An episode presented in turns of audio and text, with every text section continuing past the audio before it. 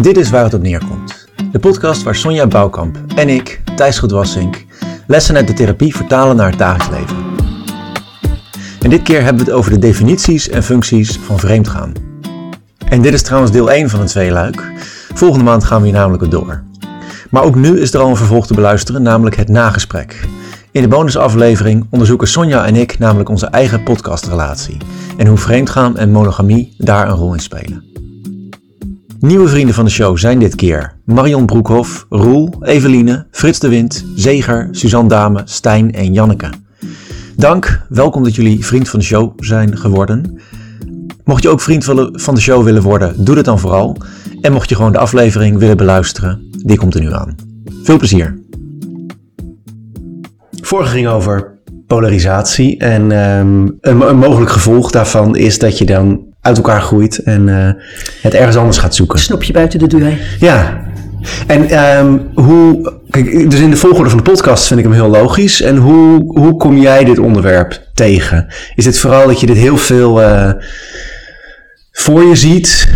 Nou, het speelt heel, ja, een, flink aantal van de mensen die ik in, uh, in therapie krijg, speelt iets dergelijks. Of een verliefdheid buiten de deur, uh, waar ze alle twee van geschrokken zijn en dat ze toch nog wel heel erg aan hun relatie willen werken. Of een verliefdheid die ernstige vormen aanneemt waarbij iemand daar moeilijk afscheid van kan nemen en de relatie op knappen staat. Of, ja, zo grappig dat je zegt ernstige vormen aanneemt.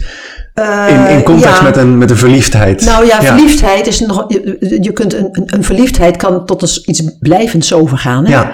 Er, er zitten allerlei haken aan de ogen aan vast, is, waardoor je is, er niet meer, het niet meer los wil laten. Het is ernstig voor de huidige relatie, maar voor de nieuwe relatie die er wellicht op komst is, is het, is het Als geweldig. Als dat zo is, is een van de mogelijke eindeffecten van, van uh, ontrouw, maar voor de bestaande relatie natuurlijk een ramp. Ja.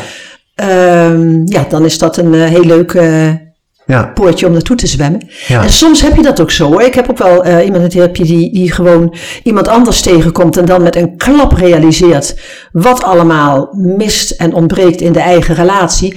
En dat ze eigenlijk niet meer de puff heeft, dat was een vrouw, niet meer de puff heeft om daar nog aan te werken, omdat ze daar niet meer in gelooft. Hmm. Dat zoveel geprobeerd heeft en zoveel nul op het rekest heeft uh, gekregen, dat ze dat, daar niet meer in gelooft. En dus die relatie eigenlijk vrij abrupt beëindigt.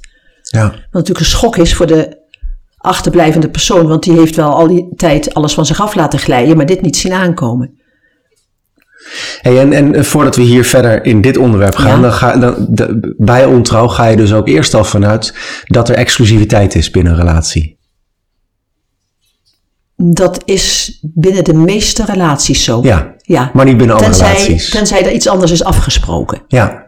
Dus ik ken eigenlijk geen relaties die ook nog toekomstperspectief hebben, die uh, geen exclusiviteit uh, hanteren.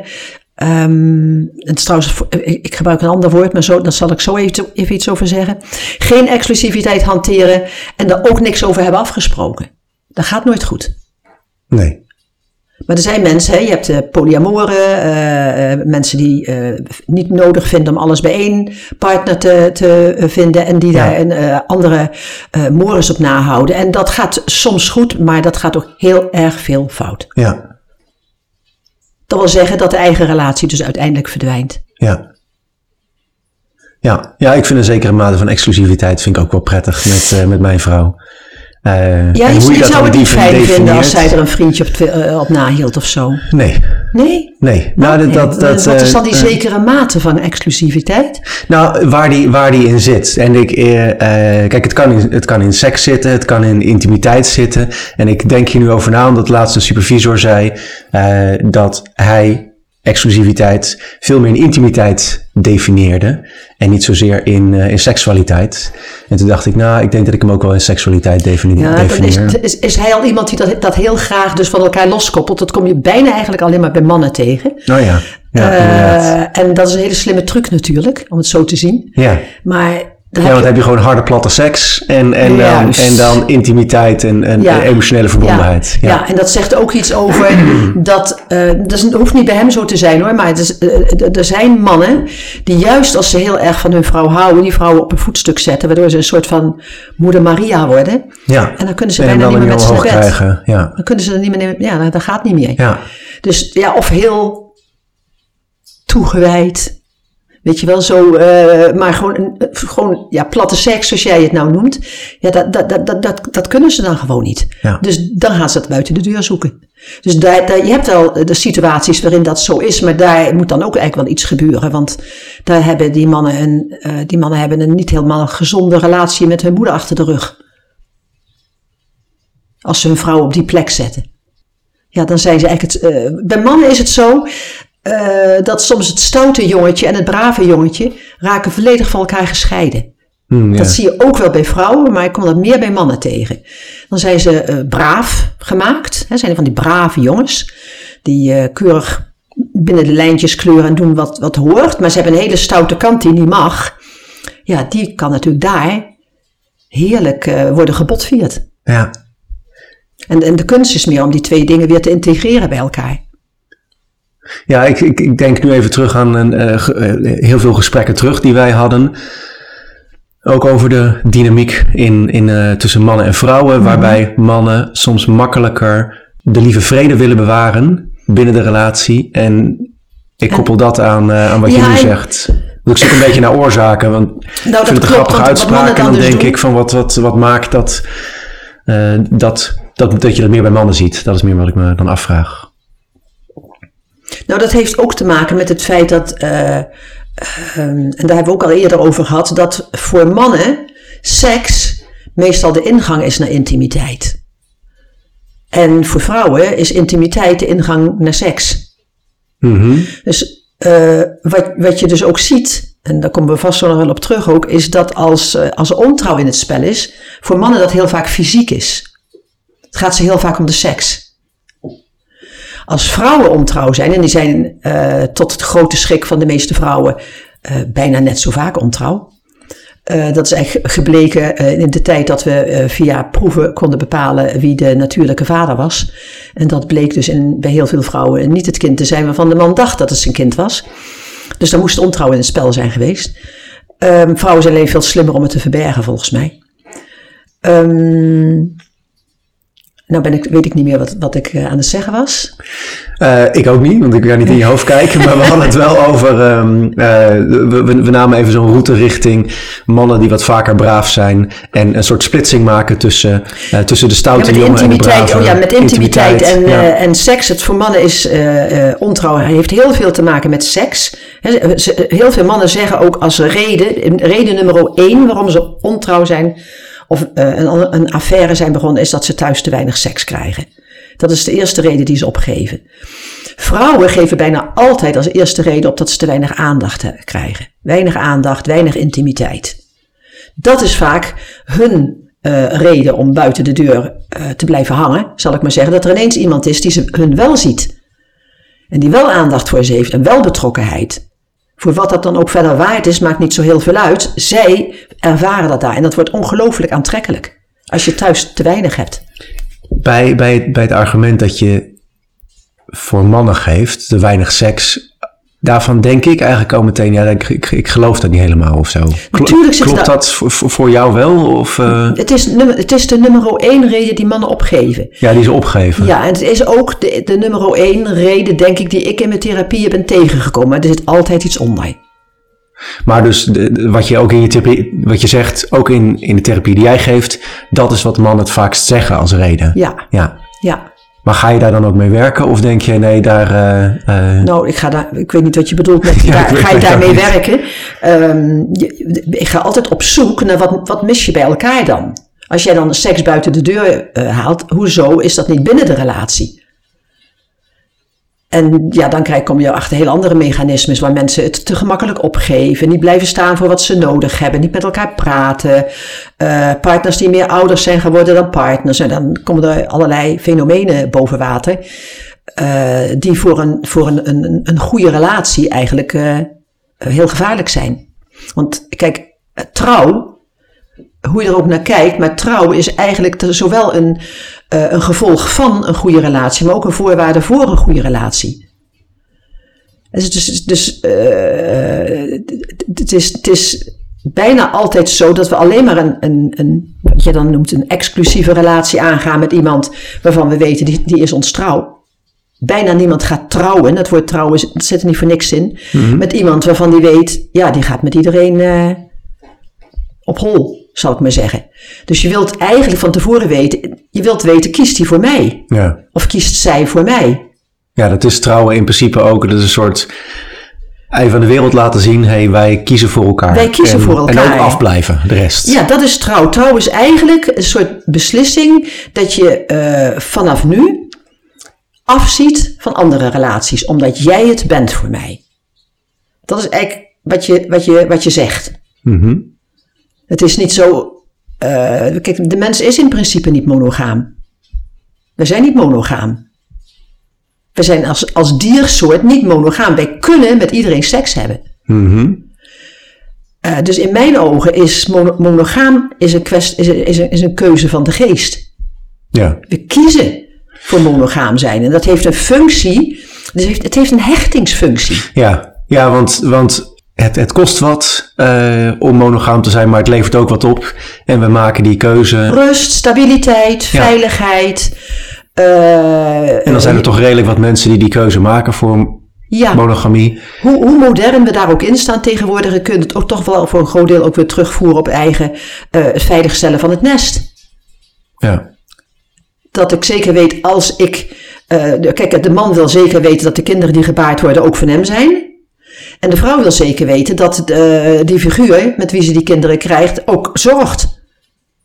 En voor veiligheid en stabiliteit zal zorgen. Dat, dat is eigenlijk de onderliggende biologische factor, zal ik maar zeggen. Ja, er zijn er natuurlijk meer, maar eh, als je het wat versimpelt, is dat een, een, een, een ja, eh, door de hele ontwikkeling van de mensheid heen gelijk gebleven factor. Alleen we zijn er wel totaal anders in gaan staan. Vanuit, van oudsher was het huwelijk natuurlijk helemaal niet een huwelijk gebaseerd op liefde. Als je naar de middeleeuwen kijkt, was een, het, het huwelijk was een economische eenheid. Ja. Je, je, je En koos, een, huwelijk duurt ook niet zo lang, want je, je hoe heet het? je ging gauw dood bedoel je. Ja, vrouw gaat dood bij, eh, bij geboorte van, eh, van het zoveelste kind. Dus dan heb je een huwelijk dat zeven jaar duurt. Ja, dat, kan, dat kan voorkomen. En dan mag je dus weer een nieuw huwelijk Ja. beginnen, dat wel. Dus dan ben je Maar serieel monogaam, ja. Dat is nu ook, hè? Ja, maar, maar, maar, maar toen, eh, ik heb daar wat dingen over gelezen die ik wel mooi vond, dat inderdaad mensen leefden veel korter. Dus dan, is het ook, dan, dan, dan was er ook eigenlijk minder frictie. Als je monogaam was. Ja, bovendien, als je eh, in de adel zat, dan, eh, dan liet je die vrouw gewoon onthoofden of zo. Of je beschuldigde haar ergens van en dan Ja. werd ze afgevoerd en dan was je ook weer vrij. Hè? Dus Ja. daar had je allemaal hele slimme trucs voor. Ja. Maar in feite was trouwen, dat deed je niet uit liefde. Dus het, het, het, het was altijd een eco- vaak. Hè, Er werd natuurlijk- ook uit liefde getrouwd, maar het was heel vaak toch een veiligstellen van je stamboom, van je bezit, het vermeerderen van bezit, eh, het veiligstellen van inkomen. eh, eh, dat waren vaak de redenen. Is iemand een goede partij? Ja. En dat is natuurlijk bij de hele industriële revolutie, toen alles anders werd, en daarna nog eens een keer extra met de seksuele revolutie, is dat totaal anders komen te liggen. er Tegenwoordig is trouw ook een keuze. Ja, maar het zit er ook nog wel een klein beetje in. Want eh, eh, belastingtechnisch is het makkelijker vaak voor koppel om getrouwd te zijn. Ehm, dus vanuit de... Het is makkelijker, Dus maar het is dus- heel goed te doen. Heel Ja. veel mensen kiezen er echt daarvoor niet om, om met elkaar te gaan trouwen. Doen ze een geregistreerd partnerschap, is toch Ja. geregeld.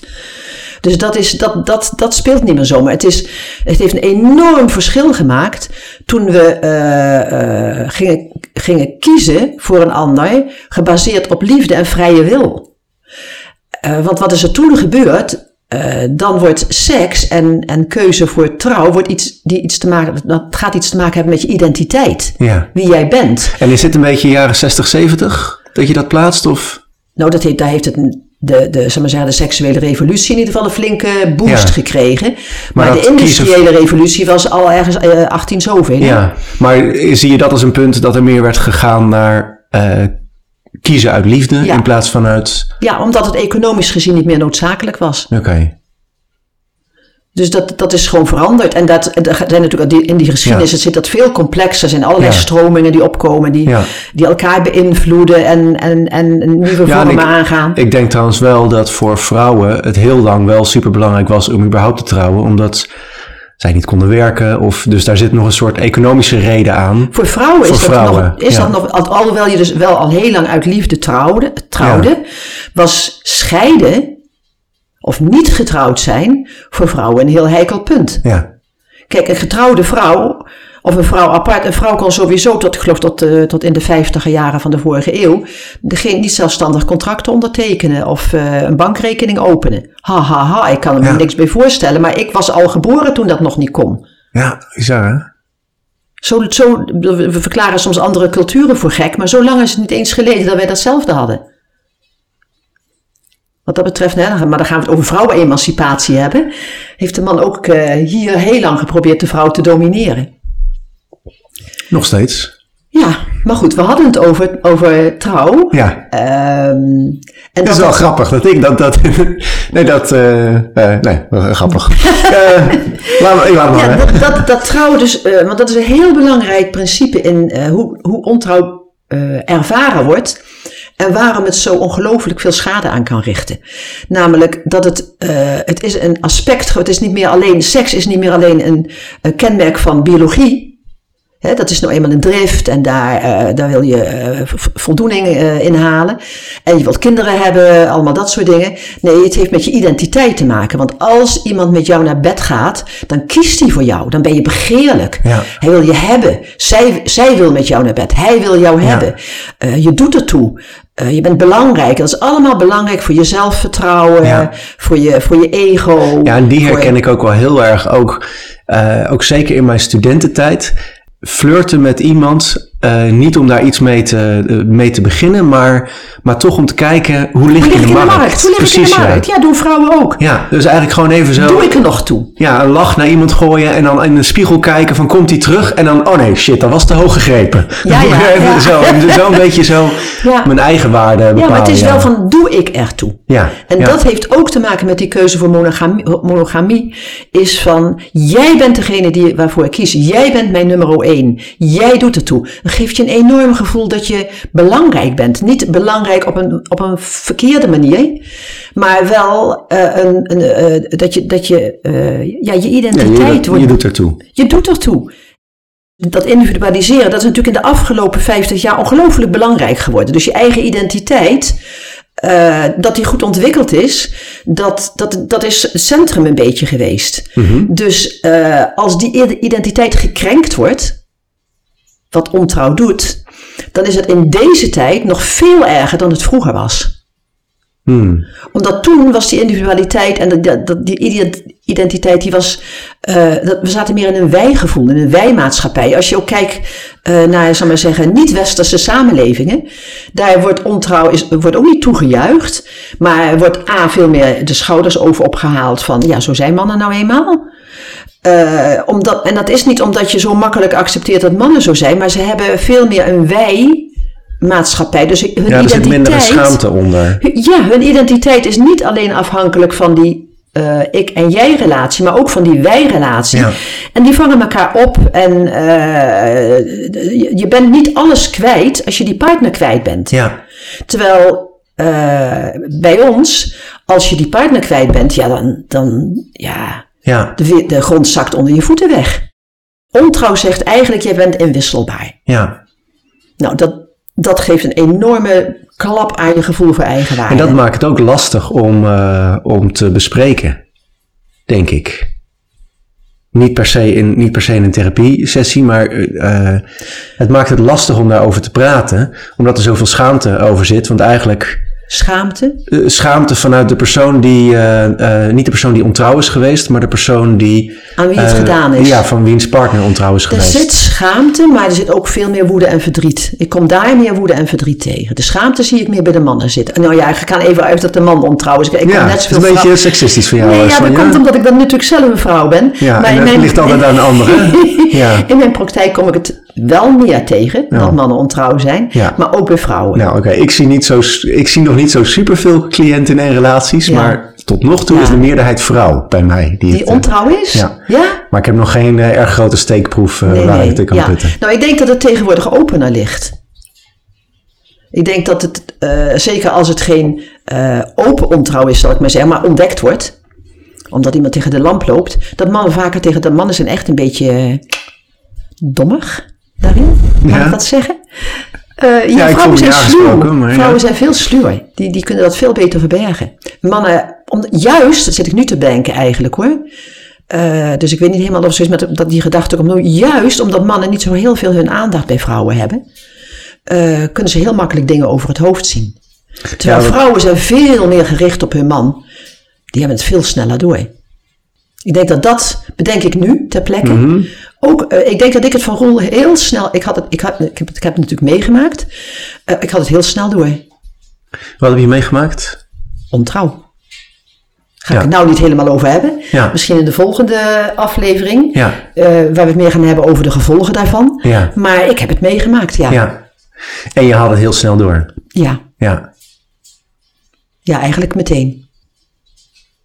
Maakt me wel heel nieuwsgierig. Maar Ja. tegelijkertijd zeg je, ga ik het nu niet over hebben. Nee, En nee. kan ook, waar, waar ligt het in dat je denkt, dit is een onderwerp dat ik Eh. later wil uitspreken. Of dit vind ik niet fijn om hier nu te bespreken. Nee, nee hoor, ik wil er best Mhm. dingen over zeggen, omdat wij, we hebben dat goed doorgewerkt en we zijn weer bij elkaar. En het is een fase in ons leven geweest en eh, eh, daar hebben we alle twee ook een aandeel in gehad. Dus ik schaam mij daar niet voor, totaal niet.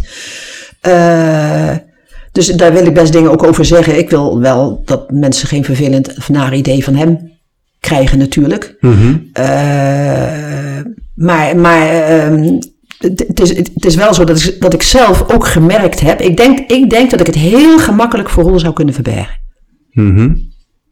Want hij is een, een, een schat van een man, maar met zijn aandacht niet zoveel bij mij. Ja, nou, daar ga je al. Terwijl Ja. ik wel, ik zie, ik, ik heb, ja, dat vindt hij ook soms heel lastig, dat ik alles meteen door heb. Ik wil even teruggrijpen op net. Ik vond het eigenlijk al heel lief van je dat je zei van ja, ik wil Roel ook niet in een slecht daglicht plaatsen Nee. of zo. En, eh, en soms zitten we hier aan tafel en dan ben je aan het fulmineren over wat Roel allemaal gedaan heeft. Nou, maar, fulmineren. ja, dat doe je dan. Kom, nee, daar zeg ik En- eerlijk, ben ik eerlijk over. Ja, en ik noem dat fulmineren. Oké. En, ehm, en nu neem je het zo voor me op. Vind vind ik lief om te zien. Ja, maar dit is natuurlijk ook een onderwerp waar, waar heel veel afkeuring op staat. Ja, En, eh, en daar wil ik hem wel een beetje voor beschermen. ja. Omdat ik vind, ja, dat is, dat is ook, het- natuurlijk was het niet, eh, niet oké. En, en eh, vind ik dat nog altijd. Maar ja, er hoeft niet de publieke opinie overheen te gaan, zal ik maar zeggen. De- Ja. Misschien gebeurt dat ook helemaal niet, maar daar Ja. heb ik dan toch een soort van, Ik kan me heel goed voorstellen, ja. Ja. ja. ja. Maar dat bewaren we dus voor een Ja, nou ja, en voor de, voor de volgende aflevering denk ik, want als, als het goed is maken we hier twee afleveringen over. Ontrouw heeft altijd twee aspecten, er zitten altijd twee kanten aan het verhaal. De ene kant is het verraad en de andere kant is ook verlangen en verlies. De eerste punt was? Verraad, Verraad, oké, ja. je verraadt je partner, ja. maar er is in jou, degene die ontrouw pleegt, zal ik maar zeggen, ook een verlangen eh, naar iets. En als je het doet, verlies je ook iets. Dus er zijn, er zijn, er zijn, het is niet zo zwart-wit. Er wordt heel veel gekeken naar. Er zijn twee, twee mensen. Er is een dader en er is een slachtoffer. En de dader is heel slecht en de slachtoffer is heel zielig.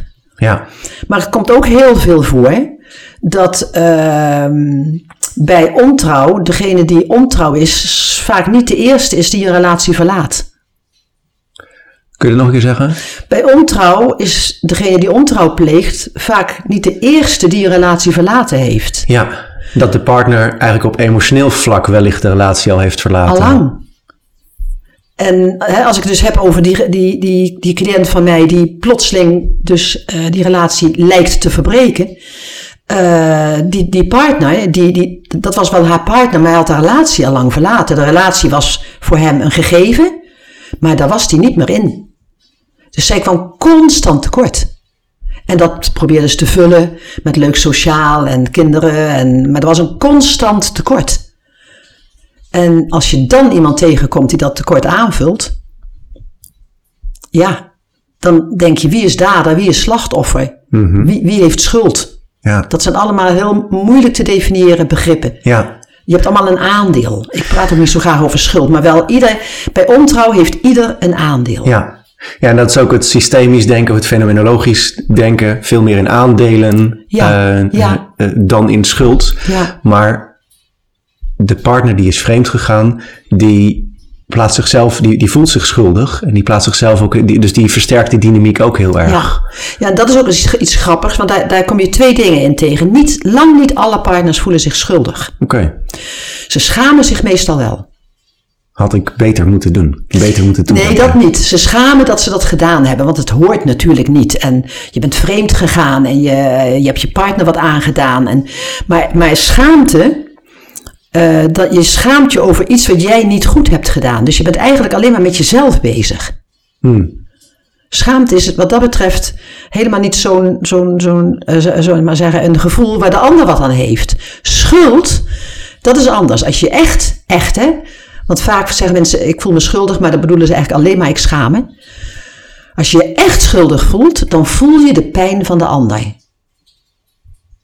En dan ben je met de ander bezig.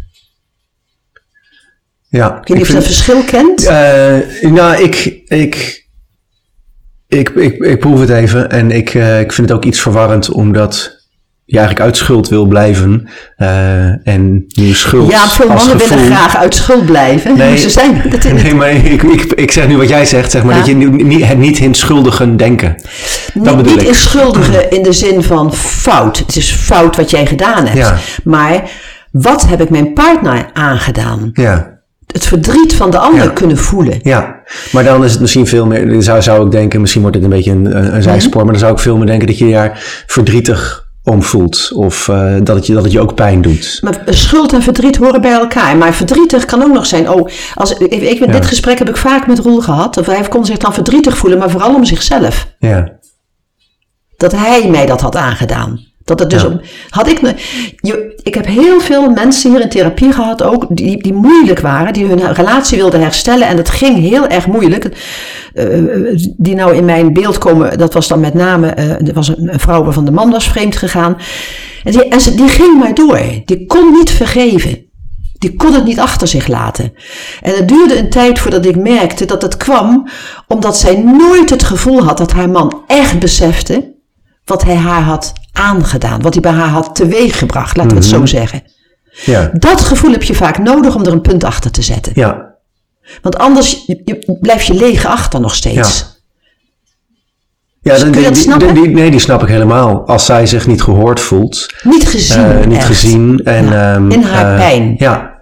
En eh, ja, of dat dan via schuld of verdriet gaat, dat, dat kan wel Die, wat die, mij gaan betreft hand in hand. Die gaan, ja. weet je, verdriet. Ja. Ja, ik, ik moet eerlijk, ben ik misschien wat anders dan jij, maar ik heb ook altijd heel veel argwaan bij verdriet. Ja. Echt verdriet. Maar je, je hebt zoveel soorten van verdriet. Ja. En om wie wordt hier gehuild?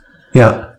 Eh, Ja, en dat zit ook zeg maar in de. eh, ik herken dit meteen als je dit zegt. eh, van, vanuit jou. Een soort argwaan richting de slachtofferrol. Want dat is ook de makkelijke, eh, makkelijke positie. Als je verdrietig bent, dan gaat Mm. iedereen meteen. Ik weet wel eens een keer met, met iemand een conflict had. En die, die, die begon te huilen. En die zei wat dingen over zichzelf. En toen zei een ander: Verzacht jou dat nou niet? Toen zei ik: Nee. Want ik had helemaal niet het gevoel dat dat verdriet iets met mij te maken had. Ja. Ja, dus het voelt dan krijg je nog niks. eh, dus ja. zit, je, ja, dan zit je nog met lege handen. Iemand Ja. is verdrietig en iedereen denkt: Oh, oh, is het over? Er is niks over. Ja. Ik, ik kan me de keren wel herinneren dat eh, in, in die periode, en dat was zelfs nog in de tijd dat het speelde, omdat eh, Roel ook nog wel weer terug is geweest en weer weg is gegaan. Nou, dat was ook al, al gedoe. Dat hij heel erg moest huilen. En dan ging ik hem troosten. Mhm. Achteraf denk ik, hè? Ja. Dat is, dat is wat verdriet kan doen. Ja. En daar heb je zelf niet zo heel veel aan. Dat gat in jou blijft zitten. Maar terug Wat naar... me- ehm, ja, maar ik, want ik ehm, zit me te realiseren dat we het eigenlijk al heel erg hebben over de gevolgen. Ja. Wat aflevering 2 zou moeten te zijn, maar laat het maar een beetje door elkaar heen lopen. elkaar. Het loopt weer helemaal door elkaar we kunnen heen. ook niet organiseren. Ach, ach, ach, ach.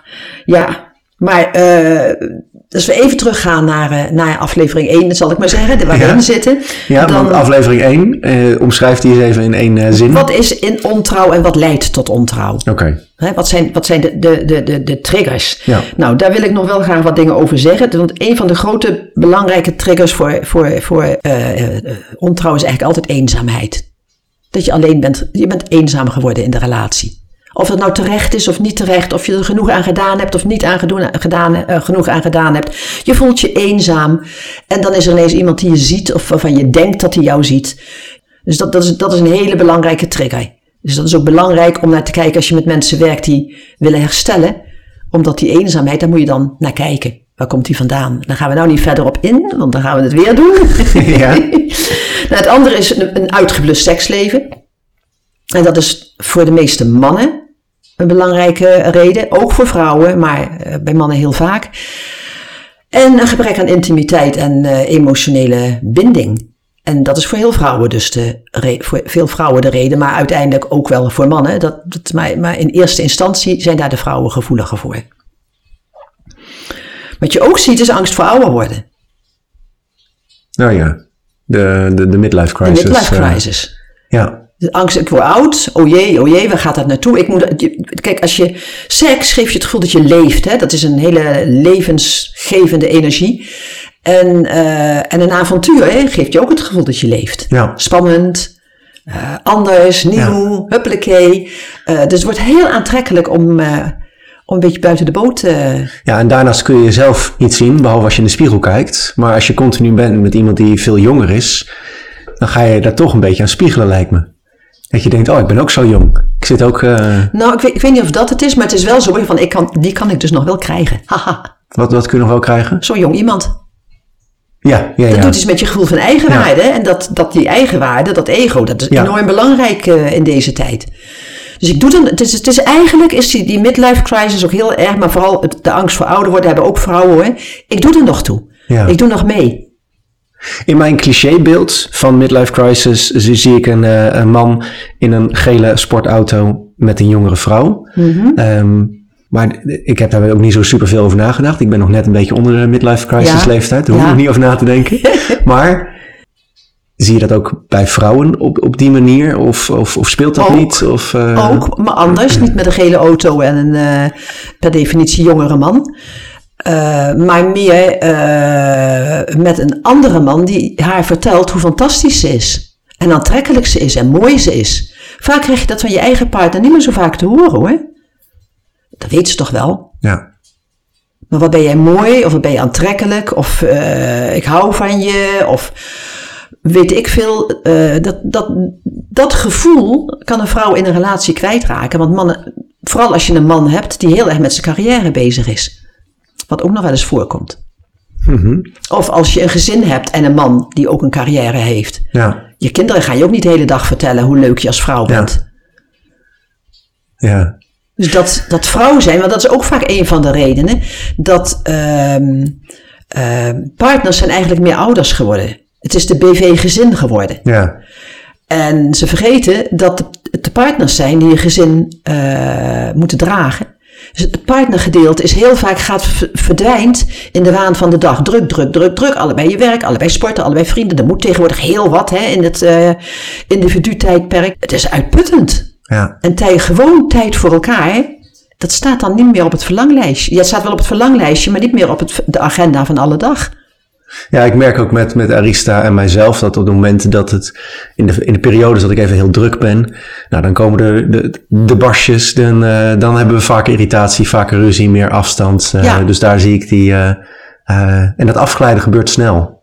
En het is ook, het is ook alweer redelijk simpel te, te, te herstellen. Herstellen, als je het maar bij tijd in de gaten Ja, hebt. oh, dat, dat die barstjes ergens voor staan. Ja. Oh hé, Ja. eh, we, we zijn weer een beetje aan het afdrijven van Ja. elkaar. Ja, of dat, dat is niet een algemene uitspraak, maar meer wat ik voel bij, bij, bij mijn vrouw. Dat, nou, dat, dat komt wel vaak voor. Dat we zo weer even afdraaien en oh shit, dan eh, Ja. eh, verzinnen we iets waar we weer wat vaker mee bezig zijn. En dan kunnen we daar een beetje beter op teren.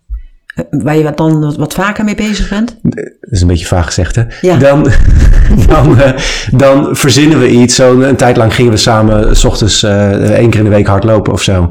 Eh, Ja. Of even koffie drinken of zo, zulke Ja. soort hele simpele dingen. Ja, het, maar dat, het gaat erom dat je even al- weer voor elkaar ja. kiest. Ja, Dat je even elkaar weer het gevoel geeft, hé, hey, je bent belangrijk, je bent er, ik zie je, ik Ja. zie je. ja, Ja, en we hebben natuurlijk, maar daar zei ik net al iets over, in deze tijd waar, waar, waar alles fantastisch en vol superlatieven moet zitten, eh, heeft elk mens eh, en vooral de jonge mensen, heel vaak het gevoel dat ze niet alles uit het leven halen wat erin zit.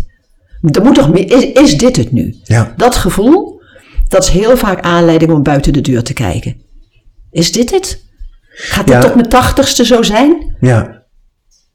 En dat, dat verdwijnt een beetje met ouder worden, gok ik. Als ik naar mezelf kijk. Nou, eigenlijk moet ik zeggen dat ik met ouder worden daar nog wel wat meer last van heb. Oké. Misschien ben ik een laadbloeier wat dat betreft. Ja, nou dat ben je volgens mij, dat heb je wel eens is, gezegd. eh, dat is iets waar ik, waar ik de laatste tijd wel mee bezig ben. Juist van, eh, eh, als, als het nou afgelopen zou zijn, ben ik dan tevreden? Is, is dit hoe ik wil leven? Ik denk, ik heb heel vaak de gedachte, maar zo wil ik helemaal niet leven. Niet omdat ik geen leuke dingen doe. Mijn leven zit helemaal vol met dingen waar ik voor kies. Maar het zit veel te vol. En ik krijg het maar niet voor elkaar om dat leger te krijgen. Omdat ik ja, er ook niet veel dingen in heb zitten waar ik een hekel aan heb. Dus wat, wat doe ik er dan uit? Maar dat is wel, ja, ook zeker als je ouder wordt, waar je over na moet denken. Want je kunt gewoon niet meer aan wat je kon aankomt toen je 40 was. Ja. Het is ook wel een interessant onderwerp voor, voor een, een, een Ja. toekomstige keer. Want dat, dat eh, eh, überhaupt, wij zijn allebei best wel druk. Ik denk daar ook wel dingen van bij jou. Ik, nou, als ik zo oud ben als jou, dan wil ik niet zo druk zijn als jou. Nou, ik, heb ik, eh, ik, sp- ik kan je, ik kan niet zeggen, ik spreek je over 30 jaar. ik zou het wel willen. Ja. Maar ehm, ja, dat heb ik ook altijd gedacht. En ik ben denk ik al wel 30 jaar bezig mijn leven leger te krijgen. Ja. Ik heb er helemaal totaal geen talent voor. Ja. Nou, dat is dus een, eh, een, een, een Ja, toekomstig agendapunt. Ja, maar terug naar dat, dat, eh, dat gevoel van eh, er is meer. Want dit, dit, dit meer dat je nu beschrijft klinkt minder relationeel. klinkt meer, wat wil ik uit het leven halen? En waar Maar het is ook wel relationeel hoor. Ja. Want heel veel van die, van die zijn behoorlijk ingeslapen. Ja, Snap je? Dus het is, Ja. dan, heb, dan krijg je, je hebt een, een algeheel gevoel van ontevredenheid. En dan heb je natuurlijk een heleboel triggers tegenwoordig. Eh, ontrouw wordt eh, ontzettend afgekeurd. Zeker tegenwoordig, hè, want je hebt van die moraal dingen die, eh, dan is het weer minder erg. In de 70 jaren was het helemaal niet zo erg. Weet je, bijna werd het van je verwacht. ja, Hè? Ehm, terwijl de jongere mensen hebben daar weer heel duidelijk, ik weet nog wat, mijn kinderen, als je een vriendje had en je kuste alleen maar met iemand anders, noemden ze al ontrouw. ja, dat is toch ook, eh, maar daar, is toch ook geen hele strakke definitie Nee, er voor zijn geen strakke definities van ontrouw. Dat kan fysiek zijn, dat kan Ja. emotioneel zijn. Ja. Mensen zijn Je zat naast iemand mensen, anders. als je in je fantasie met anderen bezig bent, ben je al ontrouw. Er, zijn- er- Ja. er zijn allerlei. Voor sommige eh, mensen is porno ontrouw. Nou, porno vind ik wel een sta- stap in die richting. Ja, Ja, vind ik wel een stap in die Oh, richting. Omdat dat doet iets met de andere, met de partner. Want je zit eigenlijk wel op de een of andere manier met iemand anders seks te hebben. Ja, maar dat, dat kan ook als je je gewoon eh, in je eentje aftrekt zonder porno. Dan, eh, eh, dan kun je ook aan iemand anders denken. Ja, en dat is voor sommige relaties ook al een punt. Maar dat dat is toch net ja. even anders. Maar bovendien is porno. ehm, kijk, internet heeft eh, seks Ja, maar toegankelijk porno kan ook gewoon leuk zijn. Kan hartstikke kijk, leuk ik zijn. kijk naar, naar porno en het is ook, kan ook inspirerend zijn. Tuurlijk kan het, kan allemaal. Ja. Maar het heeft ook heel veel andere kanten. Het kan inspirerend zijn, maar je ziet ook heel veel dat het, de seksuele relatie binnen een, een huwelijk loopt niet lekker. In plaats van dat die man naar zijn vrouw toe gaat en gaat praten, wat loopt er niet lekker en hoe Ja. kunnen we het beter maken, gaat hij naar porno zitten Ja. kijken. Maar wat, wat, ehm, wat, je, wat je hier verschuift is, ehm, want die dynamiek ben ik helemaal mee eens. Dus dan ga je een uitvloeg ergens anders zoeken. Mhm. Maar dan, wat er misgaat, is veel meer iets in de, in de, in de relatie dan in, dan in porno. Of dan in, Ja, ja, ik heb het daar klinkt- misschien klinkt een een heel raar een- ouderwets idee over. Maar ik Ja, denk, als je een een goede relatie hebt, een leuke relatie, wat moet je met die porno? nou kun je ook samen kijken. Dat, dat vind ik al een ander verhaal als je het alle twee leuk vindt. Ja, het lijkt een beetje alsof ik hier zo'n soort lans ga breken voor porno. Dat is Nee, ook helemaal niet mijn, mijn, mijn doel, maar ik vind het wat, eh, eh, ja, ik vind het wat ouder, ouderwets. Ja, dat, dat, mag, dat mag, eh, mag, je, mag je zo Ja. vinden. Maar Ja. ik bedoel, eh, ik weet niet of het ouderwets is. Ik denk er gewoon anders over. Het is gewoon een onderdeel van ontrouw zijn of de Ja. eerste trigger daar naartoe. Kijk, ik kan Ja, maar er zit een op soort, er iemand. zit een soort eh, je kunt, je kunt gezellig een glaasje wijn drinken of je kunt een alcoholist zijn. Ja, maar er zijn, je, weet, je weet van jezelf wanneer je grens overgaat. Ja, En als je die grens overgaat, ja, dan is het een ander verhaal. En Ja. dat is bij porno net zo. ja. Ja, en dan is die grens, dat is, dat is het. Dat is het belangrijke om te, om te onderzoeken. En, ehm, eh, en, en porno is daar, eh, ja, dan denk ik dat is net als een glas wijn.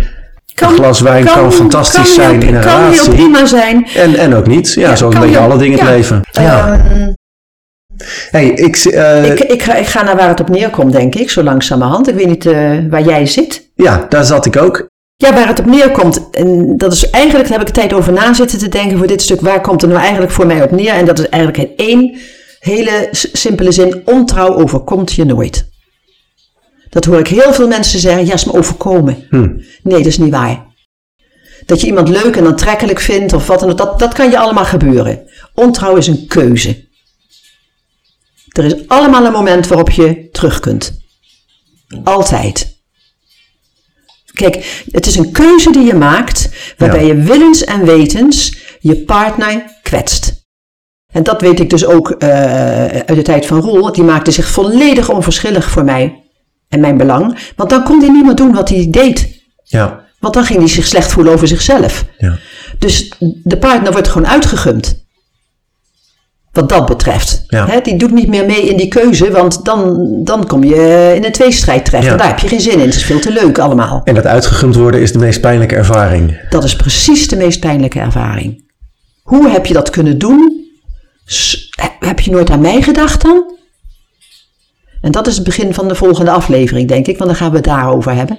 Dat is, dat is echt een ontzettende pijnlijke ervaring. En waar dit deel op, op neerkomt, is dat ik vind dat mensen, als ze ontrouw zijn, niet kunnen zeggen: het overkwam mij.